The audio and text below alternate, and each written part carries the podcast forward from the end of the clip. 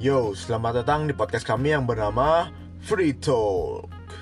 Pada episode kali ini kami bakal ngebahas tentang pengalaman studi kami, ekspektasi kami selama studi, serta realitanya setelah kami menjalankan studi tersebut. Bersama gua Fernando. Dan gua Steven. Selamat mendengarkan.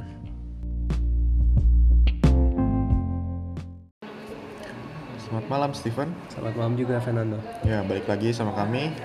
Ma- kali ini kami akan ngebahas tentang ekspektasi versus realitas studi. Jadi seperti yang kalian udah tahu, kami ini kuliah sama-sama di teknik sipil. Hmm, jadi coba bisa ceritain nggak eh, awalnya kenapa lu bisa milih teknik sipil? Hmm.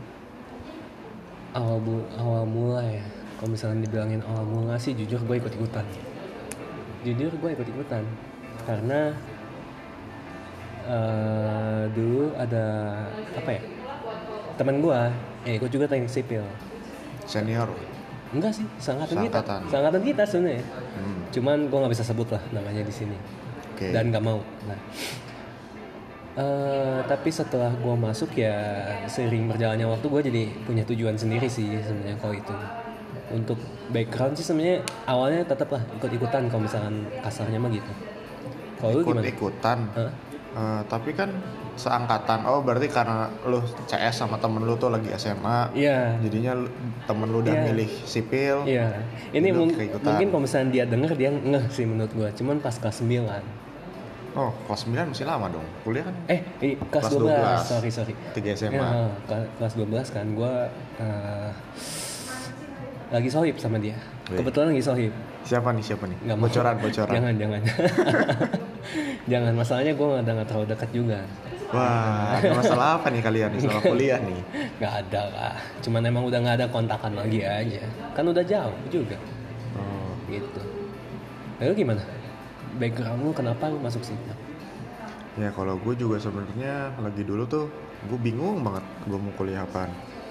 Terus Mhm. ngeliat bapak gue sipil, Hmm. kakak gue sipil, Hmm. dan gue nggak tahu nggak jelas mau ngambil apa jadi ya udahlah gue ikut ikutan aja ambil sipil kayaknya seru gitu ngitung-ngitung bangun bangun rumah dan gue sih bercita-cita suatu saat gue pengen bisa bangun rumah sendiri sih Ah. nah makanya jadi itulah kenapa gue masuk sipil Berarti intisarinya lu sama kayak gue dong ikut Iya, ikutan cuma orang ikut-ikutan. orang- orang-orang yang ik- kita ikutin itu beda kalau buat Iya. temen lu lebih ke, Ke keluarga, keluarga. Nah lu sejak kapan berarti sejak sejak kapan lu memutuskan untuk oke gua mau sipil sejak dari kelas 11 kah atau kelas 12 juga kayak gua gitu kita lagi itu tuh kelas 12 ya kan kelas 12 Ujian-ujian gitu ujian nasional. No, jadi sih ya kayaknya sih gue dari awal masuk kelas 12 ya. Hmm. Udah kan udah itu udah harus pemilihan kuliah atau segala macem. Iya, 12 awal juga kita harus sudah milih kalau nggak salah. Iya, nah makanya gue udah bingung kayaknya jadi gue udah langsung ambil sipil deh. Hmm. Kebetulan juga waktu itu gue keterima PMDK. Oh gitu. Jadi- apa PMDK tuh apa ya? PMDK tuh apa? PMDK tuh kayak undangan deh. ketahuan dong kita kuliah di mana lo. Loh, Kan PMDK. cuma satu doang. Iya kalau salah. Enggak ya? Banyak deh, Oh, udah banyak banyak kayaknya. Anggap aja banyak. Ya pokoknya gue waktu itu jalur prestasi lah bisa dibilang gitu. oh gitu. jadi ya udah kebetulan keterima jadi ya udahlah gue malas nyari nyari lagi betul betul betul. jadi ya wis Hmm. terjun aja ke situ Hmm. Gue lupa satu lagi. Gue ada satu alasan lagi kenapa gue ngambil sipil. kenapa Bodohnya gue dulu gue ngerasa sipil itu cuma fisika. Cuman fisika. Iya, karena gue kelas 12 itu emang ya gue senang banget fisika lah. oke. Seneng banget fisika. Dan gue pikir kayak oh iya sipil berarti berkaitan dengan fisika. Karena urusannya bangunan statis statika. Statika oke. iya kekuatan kekuatan bahan material kekakuan gitu. Tapi ternyata pas sudah masuk kan nggak cuma itu doang nggak cuma fisika ada yang lain lainnya juga. Iya bahkan fisika nggak terlalu banyak sebenarnya. Fisika cuma iya kepakainya itu cuma doang. semester satu. Heeh. Si- enggak maksudnya konsep fisikanya sendiri Iya, itu konsepnya. nggak nggak dipakai semua gitu istilahnya. Gara-gara itu sih gua. Iya tapi tujuan yang utamanya sih sebenarnya eh apa maksudnya alasan utamanya sih tetap ikut-ikutan. Gara-gara ikut-ikutan. Heeh. nah sekarang kan lu lu udah ngejalanin nih kuliah eh, empat tahun. Tiga setengah tahun Tiga sorry sorry gue ralat sorry gue ralat. Nih Woi. Steven pinter nih. Kayak juga nggak tiga setengah jadi udah tiga setengah tahun. Ah. terus udah eh, kerja juga kan? Udah udah lewat. Udah lewat. Nah eh, sebelum itu sebenarnya pas lu lagi kuliah Hmm. apa yang lu harapin? Kan awalnya cuma coba-coba nih Iya, eh, ikut-ikutan terus ternyata udah ngejalanin. Mhm. nah pas lu kuliah tuh apa yang lu pikirin? Lu pengen jadi apa gitu setelah dari lulus kuliah itu? Jujur gue dari semester 1 sampai semester 6 gue nggak tahu gue masih nggak tahu. Karena gue masih kayak eh, yakin gak yakin sebenarnya kayak emang ini passion gue maksudnya kayak eh, bukan sesuatu yang gue suka banget gitu istilahnya. Ada maksudnya hal-hal yang gue suka banget itu bukan di sipil gitu menurut gue sendiri. Tapi sejak gue masuk semester 7 kan itu harus kita harus ngambil skripsi. Yes. Saya ambil yang tiga setengah itu lah. Nah. Semester 6 juga udah kerja praktek? Iya udah kerja praktek. Di situ. Oh iya triggernya mungkin di semester 6 praktek kali ya. di kerja praktek. Cuman eh, di pertengahan antara semester 6 sama semester 7 itu gua sempet ikut kayak international conference gitu tentang eh, sumber daya air. ya Nah, dari situ gue memutuskan, oh gue demennya ke sumber daya air. Jadinya gue di semester 7 gue menentukan gue cita-citanya sebenarnya awalnya pengennya kerja di infrastruktur yang berkaitan sama sumber daya air. Contoh bendungan irigasi dan lain-lain lah. hmm. Istilahnya kayak gitu dan ya maksudnya gue da dapatlah pengalaman di kebetulan di tahun pertama gue gue jadi konsultan sumber daya air infrastruktur gue istilahnya belajar banyak di situ sih oke di satu tahun pertama gue masih sesuai ekspektasi tapi setelah itunya ya nantilah gue jelasin kalau sendiri gimana sejak semester berapa lu tahu lu mau jadi apa? Ya kalau gue sih dari awal kan bapak udah sipil. Jadi gue selalu ditekanin lu harus bisa jadi kontraktor. Hmm, bikin kontraktor sendiri bangun rumah sendiri. Hmm, karena itu katanya kata bapak gua tuh masa depan itu eh, pekerjaan yang paling dibutuhkan tuh sandang, pangan sama papan. ya. Nah, sipil kan masuknya ke papan tuh. sandang pangan papan Tahu nggak lu sandang, pangan, papan apa? gua lupa gua apa apa Makanan, Hmm. pakaian, sama Ah. tempat tinggal. oh iya oke ya Nah, sipil kan masuknya di papan tuh tempat tinggal. ya Pasti semua orang butuh. hmm. Nah jadi gara-gara itu jadi gue ke-trigger terus. Oke, gue harus bisa bikin kontraktor sendiri. oke Jadi seme- sebenarnya dari awal sih udah ada ada kepikiran gitu. Harus bikin, harus bikin, harus bikin, harus bikin. Gitu sih paling kalau dari gue. jadi kontraktor ya hmm tapi kan maksudnya jadi kontraktor itu kan butuh modal gede Ya, cuman eh, selain modal gede juga lu bisa juga kalau ownernya kenal, lu Hmm. bisa juga eh, kayak lu beli barang, Hmm. terus lu tagihin dulu barang eh, materialnya itu ke si owner lu. Oh iya, iya Jadi iya. kita nggak terlalu keluar modal gede gitu buat beli material segala macam. jadi istilahnya nggak pakai uang kita lah ya sebenarnya nggak Iya. nalangin dulu lah istilahnya Bisa gitu. kayak gitu juga. cuman kan permasalahan di permasalahan misalnya di kontraktor itu kan banyak nggak cuma masalah itu doang tenaga kerjanya Ya, belum apa jadwalnya itu jujur itu tekanan yang gue gak suka dan gue udah experience itu dan gak enak. Eh lu kemarin setahun terakhir di itu ya? kontraktor. Kontraktor, kan? iya dan gue ya sorry itu saya gue harus resign karena gue nggak nggak suka sama tekanan kayak gitu. Terlalu apa ya? Terlalu menekan sih menurut gue kalau buat gue pribadi gue gitu. Tekanan dari berbagai pihak, berbagai pihak. Owner. berbagai pihak. Terutama owner. Terutama hmm semua lah. Maksudnya gue gue nggak bisa bilang mana yang lebih gede mana yang lebih kecil. Cuman kalau misalkan dibilang tekanan dari mana aja dari owner iya dari atasan gue juga iya dari bawahan pun iya.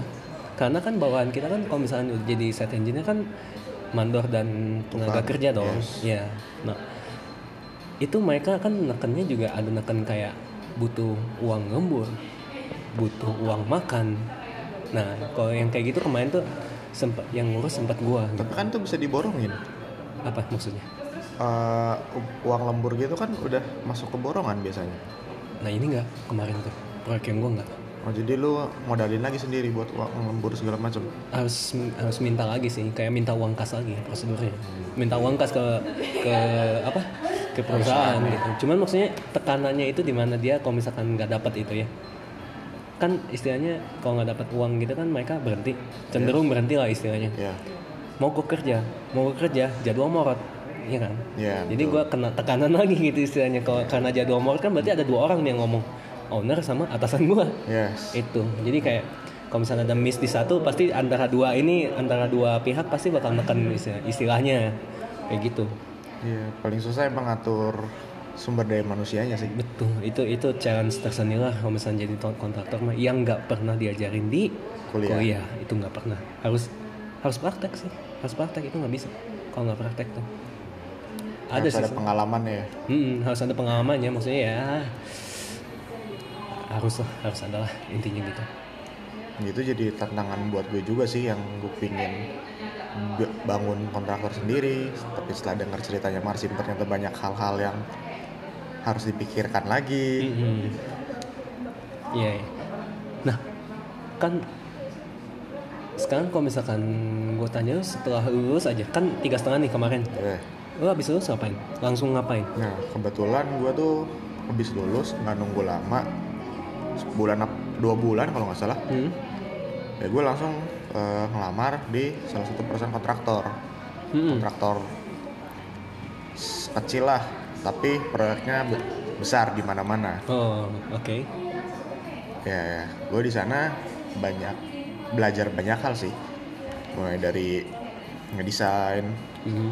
eh, perencanaan ngitung RAB bahkan sampai gue juga sempat ditempatin di site selama kurang lebih 8 bulan lah gue bahkan menetap di site 6 bulan Wah, gimana tuh rasanya? Eh, site-nya di mana? Tahu? di luar kota waktu di Cirebon Cirebon. Wah, makanannya sih enak, cuman nggak tahu tempatnya. Tempatnya memadai nggak? jadi pas pintu masuk kota Cirebon ya kalau dari arah Bandung Oh, iya tempatnya memadai nggak? Kalau misalnya di tempat gimana kayak tempat tinggal gitu. oh kebetulan waktu itu gue cari kos-kosan sendiri sih Oh. dapat jadi ya gue sendiri Hmm. tenaga kerja gue di mes Hmm. kebetulan waktu itu Hmm. Ya gue di sana belajar sih. Di lapangan ya emang bener kayak Steven tadi bilang sulit ngatur sumber daya manusia. Hmm. ya kalau dari material mah ya gampang lah ya tinggal order order, order kurang order minta ke kantor. Besok atau lusanya udah datang gitu dianterin. Nah yang susah tuh eh, ngatur sumber dayanya sumber daya manusia. Betul. begitu kita harus suruh lembur karena udah dikejar target tapi mereka bilang rasanya capek ya gimana dong gue nggak bisa maksa gimana kan Iya, kita kita kalau misalnya maksa juga pun istilahnya mereka juga manusia. Kok kalau dari tanggapan kalau dari pandangan gue ya istilahnya Iya. kan mereka juga istilahnya kerja ker- kerjanya kerja dalam dalam tanda kutip keras. Iya. Fisik gitu istilahnya. Nah, capek juga mereka Iya, kalau misalnya disuruh lembur juga ya ini nggak nggak enak. Cuman kalau misalnya nggak disuruh lembur, kita yang kena. Iya, Iya, serba salah jadi serba salah gitu. Nah, kalau misalnya di posisi kayak gitu, lu gimana cara mengatasi? ya karena kebetulan waktu itu bos gue baik sih bisa diajak eh, Oh gitu. konsultasi Oh gitu. jadi kalau ada masalah gue selalu konsul ke bos gue Oh iya. bos iya. ini gimana bos bla bla bla bla bla bla ya akhirnya untungnya sih selama enam bulan itu proyek bisa ya meskipun ada rada terlambat Mhm. tapi tetaplah bisa diselesaikan dengan baik lah hasilnya juga cukup memuaskan Iya iya. Ya nggak apa-apa. Sama halnya kayak manusia lah. Proyek nggak ada yang sempurna karena isinya manusia semua. nggak ada yang sempurna baik di segi desain atau di segi, ya desain mungkin bisa sempurna. Cuman jadwal mungkin telat atau gimana. Pastilah pasti ada pasti ada sesuatu yang nggak sempurnanya kalau misalnya bisa bilang kasarnya mah. Nah setelah itu sekarang kan lu udah keluar nih dari kontraktor tersebut nih berarti kan? ya Ya sekarang lu di mana? sekarang gue posisinya sih bisa dibilang gue sebagai ownernya lah kalau sekarang Wih. Terus terus. Ya gue lebih santai sih jujur kalau di owner ini dibanding di kontraktor. Lu di perusahaan owner lebih tepatnya gitu Ya kan? perusahaan owner. Hmm, iya. Hmm, hmm. Kerjaan lu? Kerjaan gue sekarang gue eh, bikin RAB sih.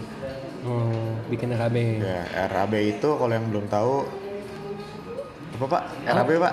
Rencana anggaran biaya, Nah, Pak. Rencana anggaran biaya. Wah, Gue gimana? ngetes doang sih ini sebenarnya. Ini manajemen rekayasa konstruksinya nggak lulus nih, gimana? Wah, Ya jadi gue kayak cuman bikin RAB doang, Hmm. terus eh, udah gitu submit, terus standar lah ya udah kontrak eh, kontraktor jalanin. Oh, jadi bukan lu yang eh, ngebangun berarti kan bukan gua istilahnya. yang Berarti lu di bidang perencanaan mungkin di sananya? Ya bisa dibilang Bisa kayak dibilang gitu kayak juga. gitu ya? Oh, iya, iya. Nah kalau sekarang eh, lu gimana Steven? Setelah kemarin di perusahaan yang konsultan itu tuh konsultan bendungan air, sekarang Jujur gue di konsultan itu nggak ngerjain bendungan sama sekali. Oh, Cuman nggak ngerjain? gue tapi ngerjainnya gini. Eh, ini gue sekalian jelasin aja lah ya. Jadi kayak konsultan dulu tuh gue infrastruktur masih termasuk bikin jalan, jembatan, penahan tanah gitu-gitu. ya Tapi kalau di bidang sumber daya airnya sendiri, gua kayak membuat studi kelayakan satu Ya. untuk suatu bangunan yang mau dibangun. Jadi kayak kalau misalnya bangunan tinggi nih di Jakarta, apalagi khususnya proyek-proyeknya sih di Jakarta. Soalnya gua dulu konsultan di Jakarta. Kalau misalkan ada hujan atau apa kan itu istilahnya eh, fungsi bangunannya berubah. yes Nah, di mana nanti kalau misalkan airnya nggak dialirkan atau ditampung dengan benar, itu kan bisa jadi banjir dong oke ya kan nah makanya gua gua kayak di situ konsultan gua masuk gitu di mana kita analisa itu kita juga analisa sungai analisa eh, saluran yang udah ada gitu istilahnya. Jembatan juga iya dinding penahan juga dinding penahan tanah juga iya gitu. Tadi pertanyaan lu apa? Gua malah ngejelasin kayak gitu. Eh, fokus dong bapaknya. Oh iya maaf pak. Ya, jadi abis dari situ ke mana Abis dari konsultan gue sebenarnya sempat off tiga bulan kalau nggak salah. Eh enggak, oh sebulan dua bulan deh, Ya. nggak sampai tiga bulan. Di mana itu gue coba menyimpang banget sih ini sebenarnya masih menyimpang. Eh, jadi coba belajar SEO ke eh, istilahnya paman gue.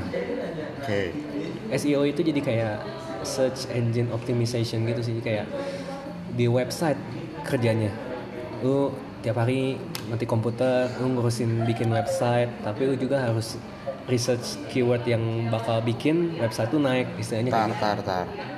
Berarti setelah lu keluar dari Konsultan. konsultan itu lu udah melenceng dong? Betul udah sempet udah melenceng. nggak sama sekali hubungan sama sipil malah kayak ke IT jadi lebih. Eh, ada hubungan sama sipil tapi sedikit banget. Di mana kliennya itu adalah perusahaan eh, kontraktor kliennya klien yang gue urus Oh, gitu. di daerah Serpong sana lah jadi kayak lu bikin web buat promosiin mereka gitu ya? Iya, ke- dan kebetulan kan maksudnya kan gue yang ngerti gitu. Kan paman gue ini nggak ngerti gitu. Sedangkan kalau misalkan gue bikin konten istilahnya konten-konten gitu istilahnya gue ngerti gitu. Oh. Ya jadi kayak masalah iya masalah struktural kayak gitu pun sedikit-sedikit mah gue ngerti lah istilahnya gitu. Itu sih kalau misalkan gue habis dari konsultan. Nah habis dari SEO itu ternyata gue jujur nggak terlalu betah juga di SEO itu gitu karena gue banyak yang gue nggak ngerti sih jujur gitu. Ya. Dan akhirnya gue ke kontraktor deh kemarin. Kontraktor? Iya. Di masih di Jakarta? Jakarta. Oke. Ya seperti yang tadi yang lu bilang ya yang lu harus ngurusin segala hal. Awalnya sebenarnya awalnya sekitar 3 sampai 4 bulan gue di kantor dulu sih. Gue di kantor dulu gue eh, apa sih namanya sama ikut tender gue tapi lebih ke ikut tender. Kayak kalau misalnya tender itu pada nggak tahu itu tuh lelang proyek. Di mana yang menang tender atau menang lelang tersebut dapat proyek dan ngerjain proyek itu gitu. Oke. Kayak kalau misalnya di kontraktor itu tuh kita kontraktor kita bakal submit dokumen tendernya. Kita nawarin harga lah kita nawarin penjadwalan kita nawarin juga metode konstruksinya gitu. Sama istilahnya site eh, apa ya namanya site planning gitu gitulah pokoknya hal-hal teknis kayak gitu kita kumpulin ke ke si owner. Nanti Ya. si timnya owner ini dia bakal nge-evaluasi mana yang paling cocok untuk masalah harga kualitas atau masalah gitu gitulah istilahnya.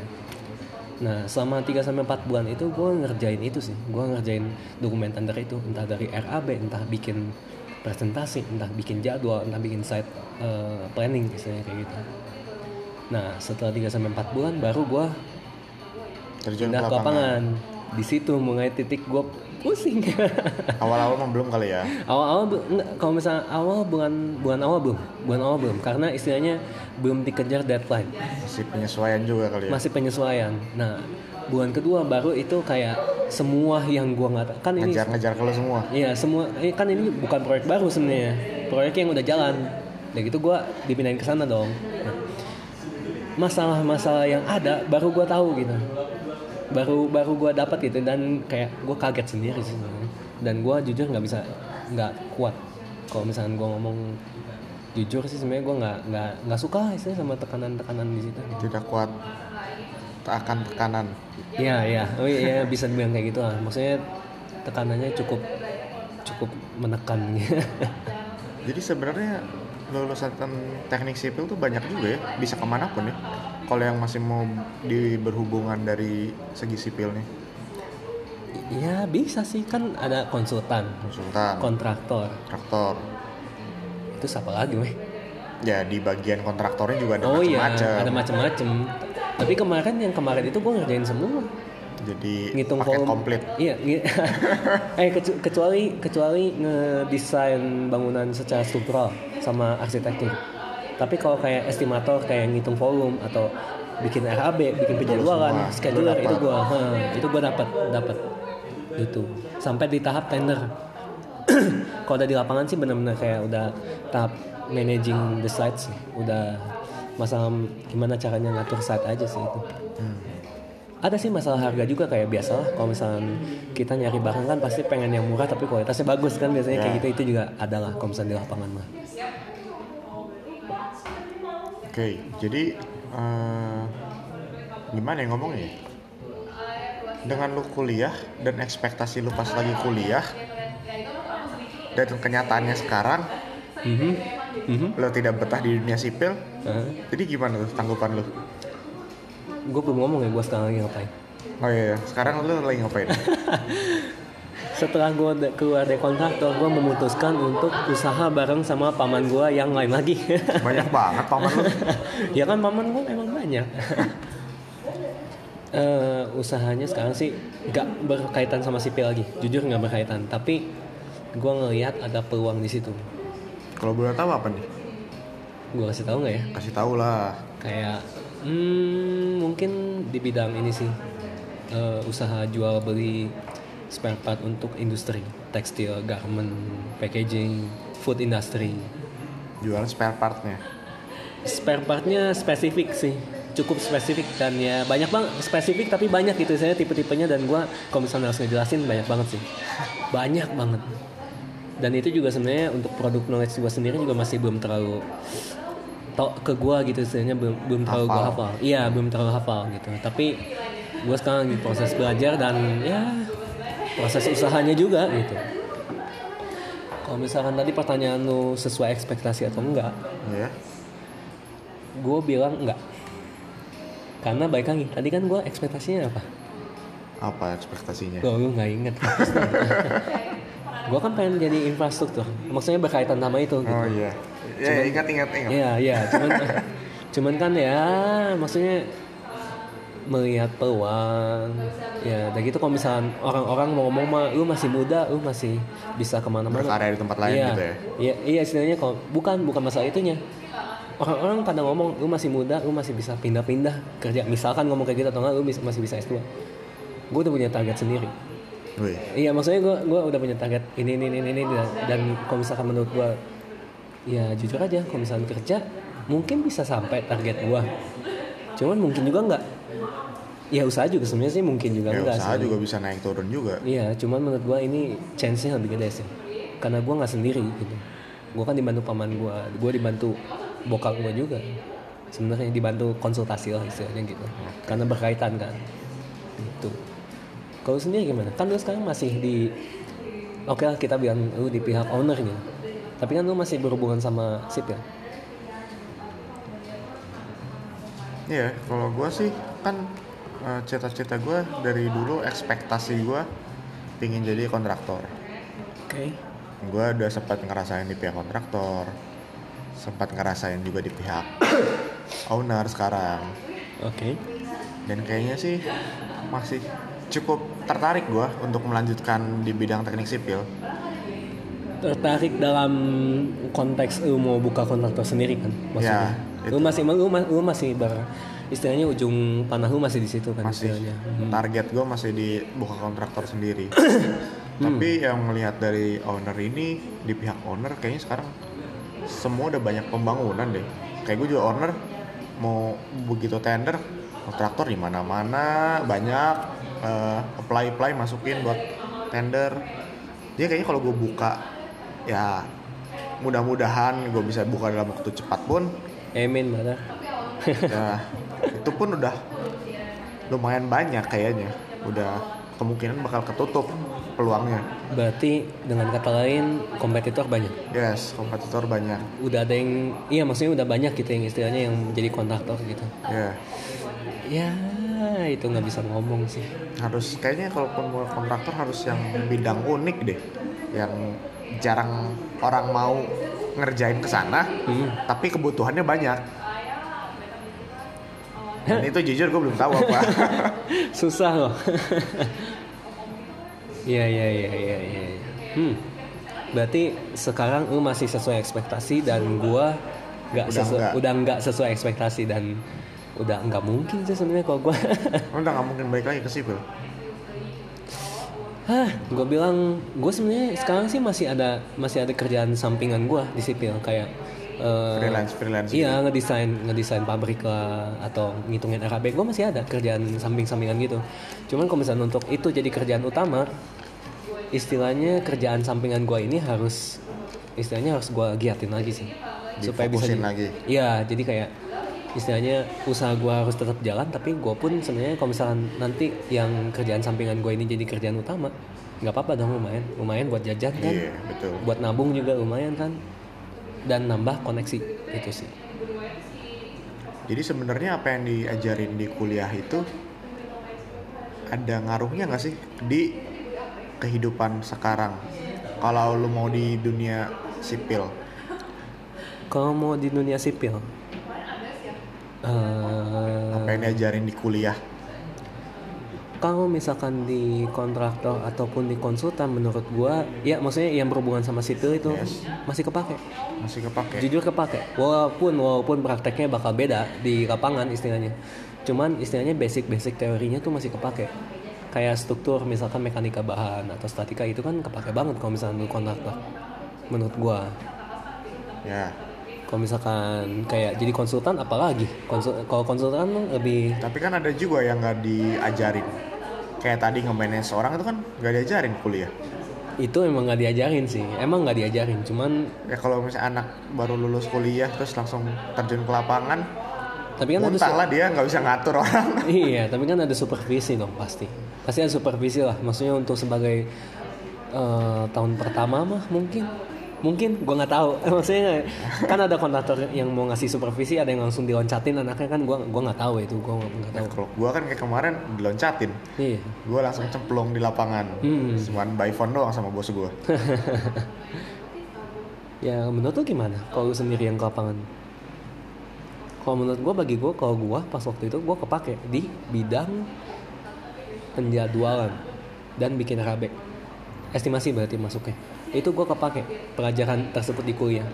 Cuman kalau pelajaran kayak pondasi kayak beton itu kayak udah orang-orang lapangan mereka kayak lebih pinter sih menurut gua. Jadi kayak gua malah belajar sama mereka gitu. Oke nah kalau dari gue sih eh ya sama kayak yang Steven bilang mas apa yang kita belajar di kuliah tuh masih kepake di kehidupan nyata. Yoi. pas gue mulai terjun di dunia sipil. Ya cuman ada juga beberapa hal yang nggak diajarin di kuliah. Yuk dan itu lebih kayak ke manage manage orang. Meskipun ada kayak eh, di kuliah tuh masalah penjadwalan tapi balik lagi ini kita ngadepinnya orang. Iya nggak bisa kita samain semua beda orang pasti beda perilaku dan beda perlakuan juga kita ke mereka betul betul betul Ya, jadi itu sih paling orang sih sebenarnya susah ngatur orang Iya susah ngatur orang eh, nge-manage orang lah kita. Yes. Ya nge-manage orang itu susah banget lah. Menentukan sumber daya mana, mana waktunya kayak gimana, nyuruh dia bikin apa, tapi dianya nggak mau. Nah, kayak gitu lah pokoknya. Ya mungkin kalau misalkan untuk masalah ekspektasi atau realitas sih mungkin udah kebahas semua kali ya. iya bener jadi kesimpulannya ekspektasi Steven waktu Steven mau ngambil jurusan kuliah itu ternyata Steven tidak bisa tahan. Dan akhirnya realitanya dia udah nggak di dunia sipil lagi. Gitu ya? Ya nggak tak satu nggak tahan, dua nggak apa ya, nggak sesuai sama target gua. nggak sesuai sama target. Nggak sesuai sama target kayak gitu. Jadi eh, buat teman-teman nggak usah takut deh. Kalau misalnya kalian pas ek- lagi awal-awal kuliah ekspektasi kalian tinggi ternyata pas kalian udah lulus dan kerja tidak sesuai dengan ekspektasi kalian ternyata hasilnya berbeda.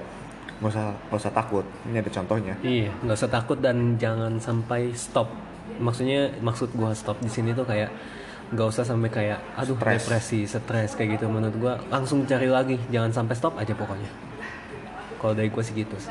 Setuju sih. Jadi kita harus bisa lebih move on lah. Kalau misalnya tidak sesuai pun kita harus move on cari Betul. lagi cari lagi dan berusaha lagi berusaha lagi. Pasti kalian suatu saat akan menemukan apa yang kalian inginkan. Inginkan. dan ya sesuai lah istilahnya sama pengennya gitu sama aja definisinya kayak Iya. menginginkan ya.